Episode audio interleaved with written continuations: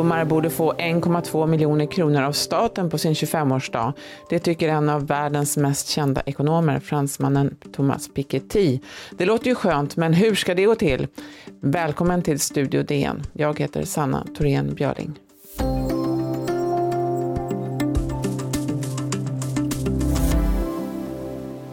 Ja, rockstjärnan bland ekonomer, som Thomas Piketty har kommit att kallas, är tillbaka med en ny bok. I Kapitalet och ideologin fortsätter han de räkneexperiment han slog igenom med för sju år sedan.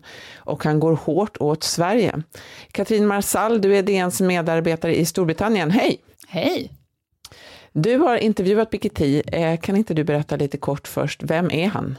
Han är fransk ekonomiprofessor som blev världsstjärna med sin första bok för sju år sedan. Den heter Kapitalet i det 21 århundradet. En jättelik sak som skildrar rörelsen mot väldigt stor ojämlikhet idag i världsekonomin. Och den blev en sån här bok som alla pratade om, ni kanske minns, och han kallades för rockstjärneekonom. Och nu har han då kommit med sin uppföljare, Piketty 2 helt enkelt. Både den här förra boken och den nya boken, det är riktiga pjäser. Den här väger nästan ett och ett halvt kilo. Varför behöver han liksom tusen sidor hela tiden?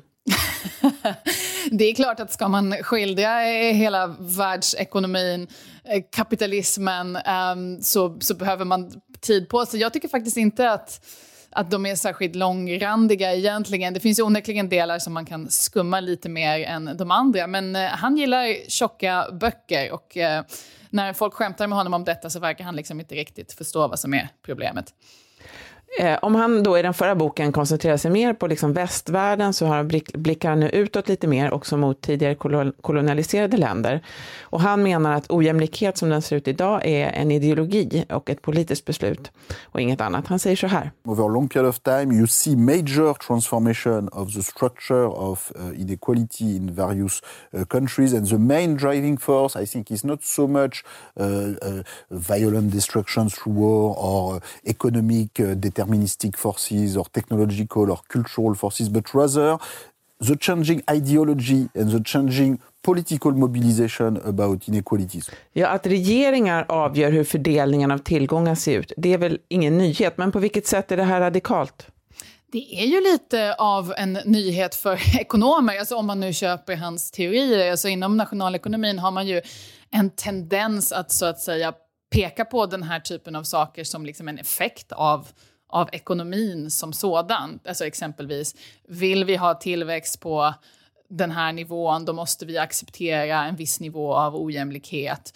Eh, det är så här det fungerar. Och, um, man tänker helt enkelt sällan på det sätt som, som Piketty gör, att det är liksom ett, ett politiskt beslut och sätter så att säga idéer och ideologier om rättvisa som egentligen är det centrala i den här boken.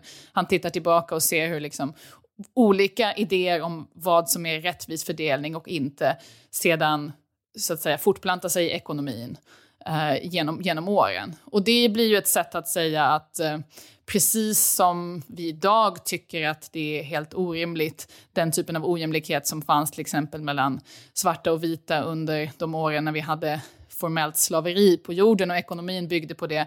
På samma sätt kommer vi titta tillbaka på den era som vi lever i idag och tycka att det var konstigt att vi bara accepterade till exempel att techmiljardärer kunde bli så mycket rikare än alla andra. Ja, han menar ju liksom att innovation då inte följs liksom bara, innovationen den föds inte bara ur möjligheten att bli liksom miljardär och att Nej. vi har sett under de senaste 30 åren fler miljardärer än någonsin. Mm. Eh, men hur långt går han? Vill han liksom helt ta bort skillnaderna? Hur skulle du själv placera honom ideologiskt? Är han någon slags socialdemokrat eller vad är han? Ja, han eh, vill ju inte kalla sig socialdemokrat i den här boken. Han pratar snarare om socialdemokratin som någonting som som har existerat nästan inte finns längre, utan han, han pratar om någon slags deltagande socialism. Han är väldigt inne på europeiska lösningar och det här gör ju till exempel svensk vänster lite nervös, vilket han pratade ganska mycket om i den här intervjun med mig, att han liksom inte kan förstå hur svensk vänster inte i högre grad kan vara för federala europeiska lösningar och federala europeiska skatter. Där ligger väldigt mycket hans lösningar på den nivån. Så att, eh, men han är ju mycket inne på att varje, varje samhälle måste bestämma självt kring liksom vilken nivå av ojämlikhet som är rimlig. Så att han är ju inte för att helt och hållet utradera den. Men vad han pekar på i den här boken och sin förra är ju att då enligt honom om vi inte gör någonting och gör någonting ganska radikalt så kommer den här utvecklingen vi är inne i liksom bara att bli värre och värre. Vi ska återkomma lite grann till Sverige, men först då, han vill ju jämna ut skillnaden i förmögenhet, bland annat genom att ge alla unga människor då 120 000, 120 000 euro när de fyller 25. Eh, hur tänker han där? Han kallar detta för förslag för arv för alla. Och det är ju ett sätt att, om man då, som han menar att det är ojämlikheterna, inte så mycket i inkomster, alltså vad vi tjänar, utan inkomsterna i kapital, i förmögenheter som är det stora problemet, då är det där man vill omfördela. Och då är hans tanke att eftersom ojämlikheterna när det gäller arv är så stora, det är liksom de, de 50 procent fattigaste i Frankrike, hans siffror kommer från, eh, ärver i princip ingenting från sina föräldrar medan de 10% rikaste ärver miljoner. Eh, och det här blir en, en ojämlikhet som fortplantar sig genom ekonomin. Då är det det här han vill förändra. Man tar in mer pengar i skatt och sen fördelar man ut det här. Och 25 års ålder är också en bra ålder att ärva i, tycker han. Annars nu när vi lever längre så kommer ju många av oss eh, om vi ärver något från våra föräldrar, att göra det väldigt sent eftersom våra föräldrar tack och lov antagligen kommer leva mycket längre. Och det är bättre att få de här pengarna när man är 25 än när man är 65 i hans resonemang och därför bör staten kliva in på det här sättet. Lite kort bara, hur, den givna kritiken här är ju liksom att eh, ekonomisk vinst är en, slags, är en, en stark drivkraft för många människor. Hur bemöter han den kritiken? Ja, han eh, i princip egentligen med den här gamla svenska socialdemokratiska sloganen om att trygga människor vågar. Inte för att det är exakt det han säger, men han menar liksom att om alla unga kan få den stabilitet som liksom den här summan på banken skulle kunna ge så skulle de våga mer, våga starta företag, få, få en helt annan typ av syn på risk. Och det här skulle vara bra både för dem, för samhället, för fördelningen och för ekonomin som helhet. Vi ska strax prata mer om vad Piketty tycker om Sverige.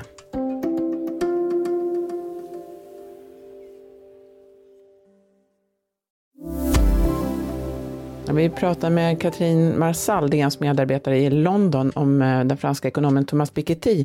Han ägnar sig rätt, som, rätt mycket energi åt Sverige i sin bok. Han verkar rätt så förbannad på svenska socialdemokrater. Vad, vad går hans kritik ut på? Ja, dels så har han ju eh, vad jag har förstått samarbetat med eh, en svensk forskare som har gett honom, Erik Bengtsson, som har gett honom data på Sverige och som delvis chockerade honom historiskt hur Sverige var så ohyggligt ojämlikt eh, i slutet av 1800-talet och fram till 1920-talet egentligen, där till och med det svenska Eh, systemet för att fördela rösträtt var liksom baserat om du hade större förmögenhet kunde du få fler röster. Och så långt gick man ju inte till exempel i Frankrike eller Storbritannien. Och vad som fascinerar Thomas Piketty, vad han pratade om i intervjun med mig, är just hur snabbt det där vände, hur svensk socialdemokrati lyckades ta det här, ett av världens mest ojämlika länder, och på ett par decennier göra det till ett av världens mest jämlika länder. Och det här blir naturligtvis ett sätt att bevisa Pikettys tes om att allt handlar om politiska val. Men sen är han ju arg på svenska socialdemokrater framför allt och det är här en käpphäst som han eh, vrålar till om i intervjun med mig och det är ju för att eh, han vad han säger, att han kan inte begripa hur det i Sverige var vänstern som då på 90-talet avskaffade till exempel arvsskatten. Och han jämför med att i, i stora kapitalistiska ekonomier som Storbritannien, Frankrike, Tyskland, Japan så har inte ens mittenhögern gett sig på den här typen av skatter på samma sätt. Och varför gjorde vänstern det i Sverige? Det här är, tycker han är väldigt, väldigt konstigt. Du var också inne på det att han anser att Sverige agerar med dubbelmoral i, i internationella sammanhang och inte minst i EU när man förordar till exempel en internationell politik kring klimatkrisen men inte kring skattesystemet. Hur tänker han där? Ja, det där tror jag är något som vi lite har missat i, i Sverige under sommaren. Just vad liksom, hur mycket det ändå har diskuterats, den position som den svenska regeringen tog under sommarens strider om de europeiska räddningspaketen.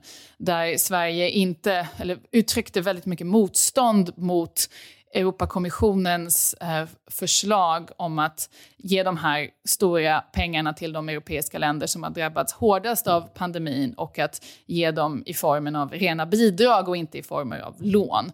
Och väldigt många tyckte, inklusive många i Frankrike där Thomas Piketty bor, att, Sverige, att det här var väldigt konstigt att ett land som Sverige som annars predikar solidaritet i internationella sammanhang plötsligt, som de såg det, var väldigt, nej, vi tänker, inte, vi tänker minsann inte ge några pengar till våra europeiska vänner när de behöver dem. Uh, sen svenska regeringen hade ju liksom sina skäl som man argumenterade för varför man inte ville det här. Men eh, Piketty i intervjun med mig, han gick verkligen igång på det här och menar precis som du säger att det är en väldig dubbelmoral, att han inte kan förstå hur, hur svenska socialdemokrater generellt är ute och predikar internationellt samarbete om allt från klimatkrisen till flyktingkrisen. Men så fort det kommer förslag i EU som på det här sättet handlar om att samarbeta ekonomiskt, ta ut skatt gemensamt kanske eller låna upp pengar gemensamt, då är Sverige plötsligt i främsta ledet för att vara emot det här. Och Pikettys poäng är, ja, men hur kan ni predika internationellt samarbete gällande klimatet men aldrig gällande ekonomin? Hänger inte de här två sakerna ihop? Han menar ju också att världen står lite grann inför ett stort vägskäl här. Antingen som också har att göra med liksom kapitalets rörlighet och så. Och att han, han är lite inne på det där att antingen så kanaliseras den här frustrationen som många låginkomsttagare känner eh, i, den kanaliseras liksom av skickliga politiker i, i, i, ilska mot invandring och vi får någon slags nationalistiskt driven utveckling.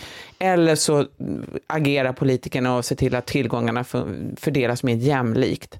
Att det är liksom lite lättare att kontrollera ländernas gränser än att kontrollera Google. Liksom, vad, vad ser han framför sig liksom, på ett större plan här?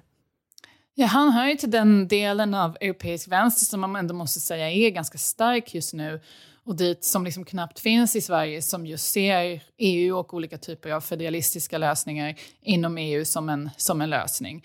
Alltså om du får folk som drivs in i famnen på nationalistiska populistpartier på grund av den här ökande ojämlikheten i samhället som Piketty pekar på, då måste du göra någonting åt den här ökande ojämlikheten.